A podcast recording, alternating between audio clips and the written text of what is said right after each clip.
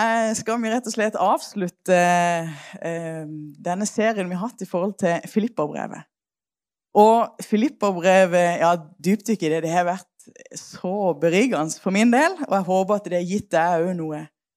Eh, og det har vært så mange ting, så mange utrolig flotte sannheter som vi har fått lov å få med oss. Blant annet så, så har vi snakket om nåde og, og, fred skal være med oss. Nåde og fred. Viktig av det å be for hverandre og be for andre. Det om å, at han som har begynt en god gjerning i oss, han vil fullføre den. For meg er livet Kristus og døden en vinning, sier Paulus. Vi har snakka om himmellengsel, hvordan drivkraft og fokus og perspektiv det gir oss i hverdagen. Vi har snakka om det med nåde til å tro, og faktisk det òg å lide for Han. At Selv når Paulus satt der i fengsel, så, eh, så ja, hadde han det perspektivet. Han gjorde det for Jesus, og han sa han hadde nåde til å lide for Jesus.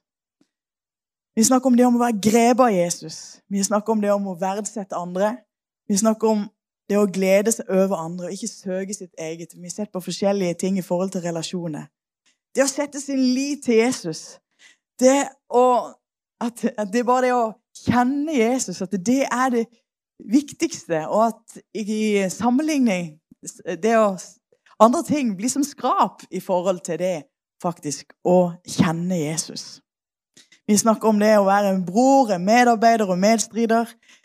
Det å glemme det som ligger bak, strekke Gud etter det som er foran. Det å jage mot målet. Vi snakka forrige gang om det å glede seg i Herren alltid. Om å ikke være bekymra for det vi kan få lov å komme til Gud med det. Og at Guds fred, som overgår all forstand, skal bevare våre hjerter og våre tanker i Kristus Jesus. Og så er det så mye mer som vi både snakker om, og som vi òg kunne ha tatt opp som tema i forbindelse med det. I dag så har jeg kalt eh, talen 'Alt makter jeg er ham som gjør meg sterk'. Alt makter jeg i ham. Og vi kan lese fra Filipperne 4, da, og fra vers 10. Det har vært en stor glede for meg i Herren at dere endelig er kommet til slik velstand igjen at dere kan tenke på det jeg trenger. Dere tenkte nok også på det før, men dere hadde ikke mulighet til å gjøre noe. Jeg sier ikke dette fordi jeg har manglet noe, for jeg har lært å være fornøyd med det jeg har. Og Første punkt i dag det er rett og slett det å eh, være fornøyd. Lært å være fornøyd. Paulus sier, 'For jeg har lært å være fornøyd med det jeg har'. Og Det tror jeg vi har godt av å, å, se litt på. For vi er så lett for at vi, vi, vil gjerne ha noe mer. Eller vi kan gjerne klage på sånn som det, tingene er. Og i denne koronasituasjonen så har jo ting vært ganske annerledes. Og, eh, og, det har satt mange ting på prøve, og det har vært vanskelig for mange på forskjellige vis. Um, men jeg vil ta fram noen, eh, noen nøkler i det å kunne være eh, fornøyd. Det står jo faktisk at han, Paulus hadde lært seg å være fornøyd. At det går faktisk an å lære seg til å være fornøyd og være takknemlig over det en har. At i seg sjøl så, så, ser en at Paulus han, han eh, eh, var jo da i fengsel. Og han hadde jo all mulig rett til å skulle klage på både det ene og det andre at eh, ting var forferdelig, og at folk hadde svikta, og at eh, både de omgivelsene rundt nok ikke var helt som det skulle. Og ja, mange ting han kunne tatt fram. Istedenfor så ser en her en mann som, som uh, sier da For jeg har lært å være fornøyd med det jeg har. Det første nøkkelen til å være fornøyd tenker jeg, det er å lære å gi takk under alle omstendigheter. Det står i 1. Tessaloniker 5, 18, Takk for alt, for dette er Guds vilje for dere i Kristus Jesus. Det med å kunne uttrykke takknemlighet og fokusere på det en faktisk har. Det er faktisk noe som, som en har, selv om en sikkert ja, kunne tenkt seg at det skulle vært hatt mer av det og mer av det, og det skulle vært mindre av det. men å fokusere på faktisk det en har. Det er ikke alltid like lett når en står midt i en situasjon som kan virke veldig krevende. Det er ikke alltid like lett, for da er det som en, å være i en tunnel. Du skjønner ikke når blir det lyst igjen. Det føles bare mørkt, gjerne. Um, men allikevel, midt i den situasjonen, uh, å kunne se på de tingene en faktisk har. Det opplever jeg for sjøl at det er en styrke. At når det har vært situasjoner, omstendigheter og ja, på en måte livssituasjoner som har gjort at, at det har vært vanskelig, og en skulle ønske at det, ting var annerledes Så det å fokusere da på det en faktisk har, og være takknemlig de, ja, eh, for, for, det en faktisk har muligheten til, og det er faktisk det en har. Nummer to det er å lære å hvile i Guds evne til å forsørge. Et av Guds navn er jo faktisk Jehova Jireh, Gud som forsørger. Han er en som vil forsørge deg, og det står i Matteus 6, 32 Men deres himmelske far vet at dere trenger alt dette. Vi har en himmelsk far som vet hva vi trenger. Faktisk før vi ber han om det, så vet han det. Derfor så sier han, vær ikke bekymra for hva dere skal eh, spise, eller hva dere skal kle dere med. For for han, han eh, ser det, og han vet, og han, han vil svare det. Han vil være nær det. Og han ser òg dine behov i dag. Han ser de tingene som du tenker på, og som, som du har et, gjerne et bønnebehov, bønnebegjær. Og du skulle vite at eh, Gud han er faktisk Jehovah Jireh. Han er Gud som forsørger. Han er en Gud som har evne til å forsørge deg. Og han ønsker å gjøre det. Han er en, din far som vet dine behov. Og Derfor kan vi få lov å legge vår tillit i det. Det er ikke alltid at det skjer med en gang. Det kan være det tar tid. Noen ganger tar det tid. Men vi kan likevel ha vår tillit til at Gud han vil forsørge og vil hjelpe igjennom. Nummer tre vær fornøyd med det du har blitt gitt. Ja, det står i 1. Timoteus 6, ja, 6-8 Ja, gudsfrykt med nøysomhet er en stor vinning. For vi hadde ikke noe med oss inn i verden, og det er klart at vi heller ikke kan ta med oss noe herifra. Har vi mat og klær, skal vi la oss nøye oss med det. Og han gir oss et perspektiv på det at, ja, at det bare det å ha mat og klær er jo fantastisk. Eh, og er, i verden i dag så er det ikke alle som har det, og ville vært så glad bare for å kunne få både mat og klær. Det da å kunne, kunne, glede seg over de tingene, de, de, det en faktisk har, de små tingene, og det som kanskje ikke er så smått allikevel, men som i vår vestlige verden så blir på en måte tingene så i ubalanse, rett og slett. Men det å være fornøyd med det du har blitt gitt, om det gjelder materielle ting, materielle ting eller om det gjelder eh, familie, det gjelder relasjoner. Det gjelder jobb. Det gjelder de tingene som du er, står i. Å ha en, en eh, takknemlighet over det du faktisk har. Det betyr ikke at en skal liksom, tenke at ja, men da skal jeg ikke eh, gjøre noe for å oppnå noe mer, eller for å skulle Ja, at det bare skal slå seg til ro. Men det er noe med å være takknemlig der du er. Det fjerde punktet er å ikke sammenligne seg med, med, andre. Og vi er så lett for å gjøre det. Vi tenker at den har det, og den har det. Og, og, ehm, og, da slår det meg fort i forhold til når, når Jesus møtte Peter. Og eh, så, så, sier jo Jesus til Peter, hva angår det der? Hva angår det der hva jeg har kalt Johannes det? Og sånn er det jo at eh, vi kan få lov til å ha blikket vårt på Jesus og blikket vårt på å være takknemlig på det han faktisk har. Og så ikke sammenligne oss med naboen.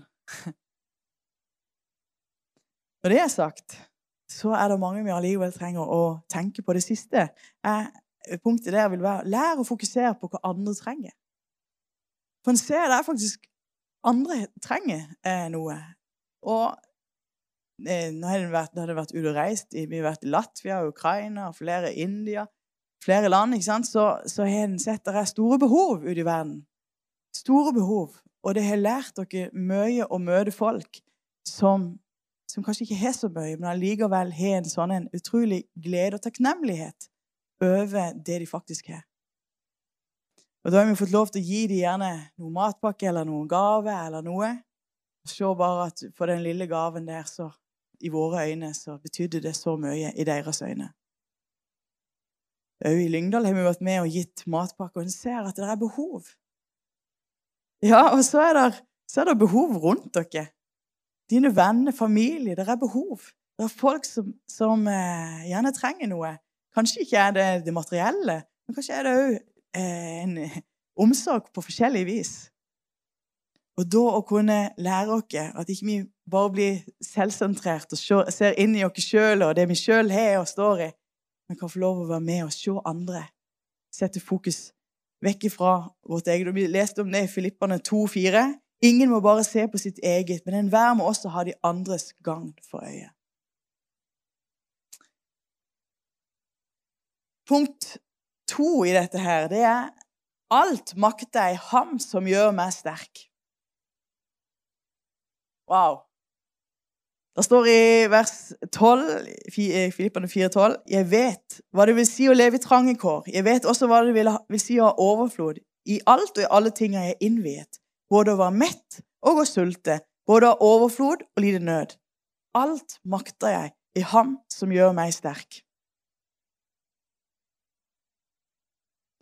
Når Paulus sier dette her, så, eh, så skjønner jeg at han har opplevd litt forskjellig. Både fattigdom og overflod. Både sult og det å være mett. Det å ha mye og det å ha lite. Det å ja, ha det rolig rundt seg og det å bli forfulgt. Paulus hadde opplevd utrolig mye. Og så sier han alt makter jeg i ham som gjør meg sterk. Og Hvis du bare hadde fokusert på alt makter jeg, så kan du føle Oi. Det, det, da blir det mye selvstrev og mye å ha viljestyrke. Og hvor mye en klarer i egen kraft. Men vet du, det er ikke der setninga slutter.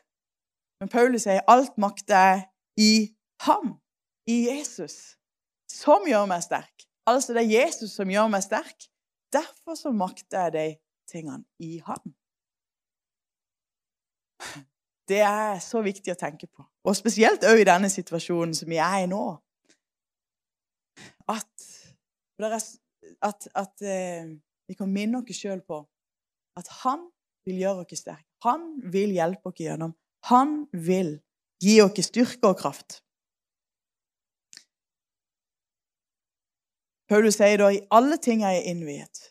Altså uansett hva som skjer, uansett om det er åpent eller nedstengt, uansett hvordan livet er rundt, omstendigheter rundt, så er, så er jeg innvia for Jesus. Det handler ikke om egen kraft, men det handler om å sette sin tillit, sin eh, lit til Han som gir deg styrke og kraft. Den er faktisk avhengig av Gud. Avhengig av at det er, det er Guds kraft som hjelper. Og det gir dere òg perspektiv. altså Med å si, si, det sånn på den måten, så gir dere perspektiv på Gud. Vi løfter blikket opp på Gud. Det er Han som gir dere styrke. Og uansett hva du måtte gå igjennom, eh, økonomisk, helsemessig, frykt for framtid, en, ensomhet Og mange har hatt det tøft, og har det tøft. Så er det en som vil gi deg kraft. Og det er da å kunne si minne seg sjøl på det. At alt makter i Han som gjør meg sterk. Det er han som gjør deg sterk. Og Derfor så vil en òg klare å komme gjennom denne tida.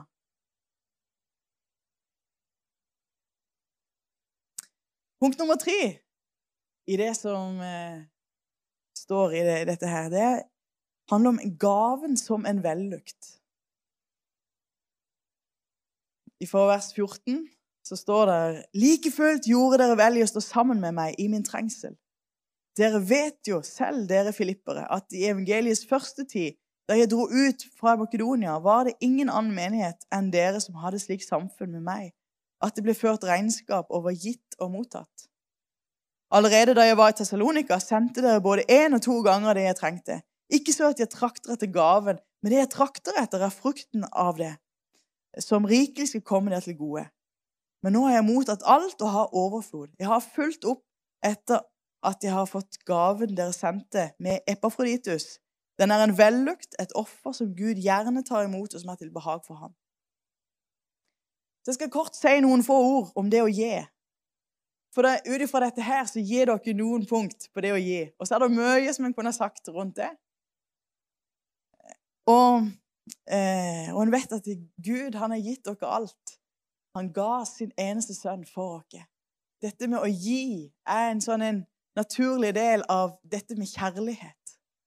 Og vi vet at Gud han er kjærlighet, og han elsker oss. Og eh, han elsker deg, og han har gitt deg alt det du kan ja, både, både, frelse og evig liv. Og han har gitt deg så utrolig mye. Og så står det en del om det i Bibelen om det å gi. At det òg skal kjennetegne oss som kristne, å være rause og være med å gi. Ha en giverglede. Så det første punktet i forhold til det, det er dette med å stå sammen med andre i deres trengsel. Vi kan, eh, med å gi, stå sammen med andre som har det vanskeligere. Og det kan være forskjellige ting, som er nevnt. Det, om det er penger, eller om det er eh, ja, andre ting, så kan vi være med å gi til, de, til andre som er i en, i en, trengsel på en eller annen måte. Det å kunne støtte noen, det å kunne eh, hjelpe noen, det er sånn en glede faktisk å kunne være med på. Det å kunne hjelpe andre. Og det å stå sammen da med andre.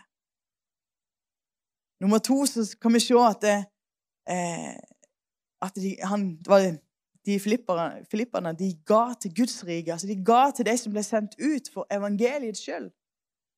Paulus hadde tidligere mottatt en gave fra filipperne. Og igjen så ble det gitt eh, gave til, til Paulus. Og han snakker om hvor stort det er at han fikk denne gaven. Og det er ikke det at han trakter etter gaven i seg sjøl, men han ser den frukt som det gir. Og faktisk, når en gir til Guds sak, når en gir til eh, om det er til menighet eller til misjon eller folk som står i tjeneste, så gir det en frukt. Det er eh, folk som får oppleve Gud gjennom tjenesten. Og det er en frukt av den gaven. Og det er eh, skrevet som punkt tre. Filipperne de viser seg at de ga. Eh, ikke ut ifra deres rikdom, men vi kan lese faktisk i 2. Korinterne 8 at det var ut ifra eh, deres dype fattigdom så strømmer det fram en rikdom og oppriktig godhet. Det var en dyp fattigdom hos filipperne. Men allikevel så gir de. Og da, Hva er det som er motivasjonen for det? Jo, Det står da i vers 2 i 2. Korinterne 8. De har vært hardt prøvd i trengsel, men likevel er det av deres overveldende glede og deres dype fattigdom strømmet fram en rikdom på oppriktig godhet. Så deres overveldende glede over evangeliet, over det de har fått del i, over det de har fått opplevd, så ga de. Og jeg vet ikke hvordan det er med deg, men det å ha, når en får sett hva en har fått i Jesus Dette har vi vært inne på en del ganger mens vi har sett eh, i Filipperne. Når en ser hva vi har fått i Jesus, så er det en sånn en glede, en overveldende glede. Og det gjør at en får lyst til å gi. Gi kjærlighet til andre, og òg gi eh, av eh, middelet som en har. Ut ifra en overveldende glede. Og vet du, den gaven som du gir, det er en vellukt for Gud. Gud ser det. Når du gir, så er det en vellukt for Gud.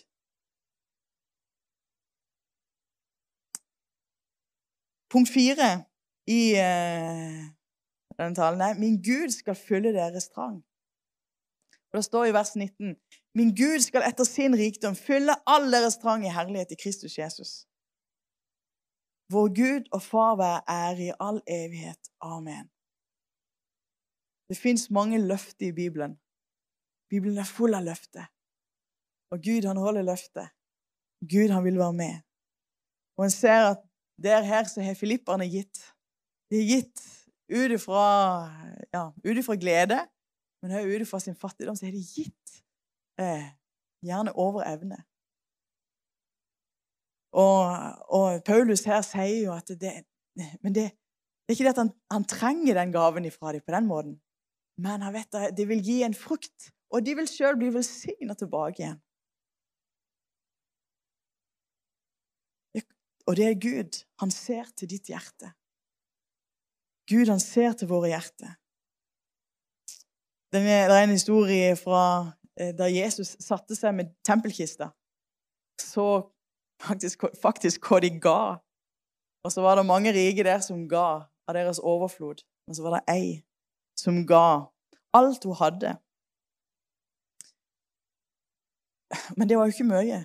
Det så så lite ut et par mynter. Eh, men det var allikevel alt hun hadde.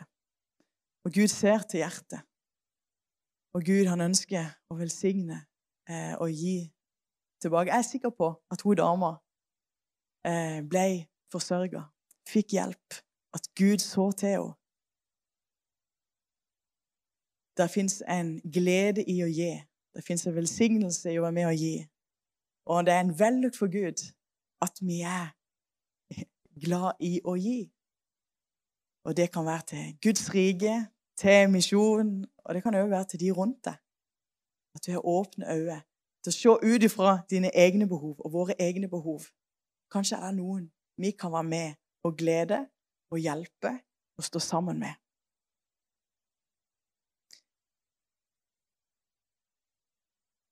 Til slutt så eh, leser vi de siste versene i Filippa-brevet. Hils hver hellige Kristus Jesus. Brødrene som er hos meg, hilser dere. Alle de hellige hilser dere. Særlig de som hører til keiserens hus. Vår Herre Jesu Kristi nåde være med dere sånn.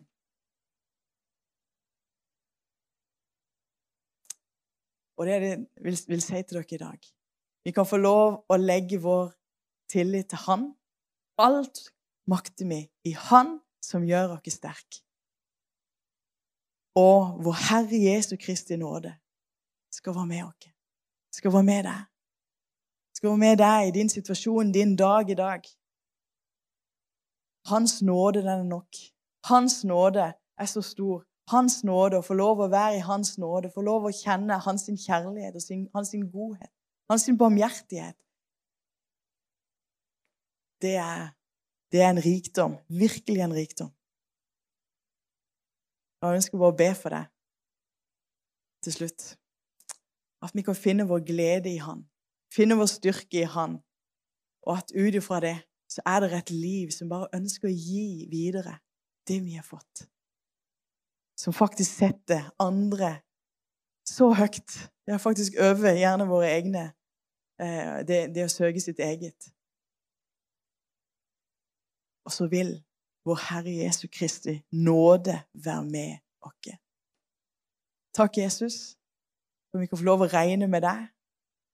At uansett situasjon, uansett hvordan tingene er, og du ser denne krevende situasjonen og krevende tida som vi er inne i For mange har det vært vanskelig, Herre Jesus. Men takk for at vi kan få lov å løfte vårt blikk på deg òg i dag, Herre. Og minne oss på at det er i, i deg vi har vår styrke. Du vil gi oss den styrken vi trenger, du vil gi oss den kraften vi trenger. Og Derfor kan vi si alt makt er i Han som gjør meg sterk. Takk for at vi kan få lov å bare kjenne at du er nær, og at din nåde er med oss. Amen.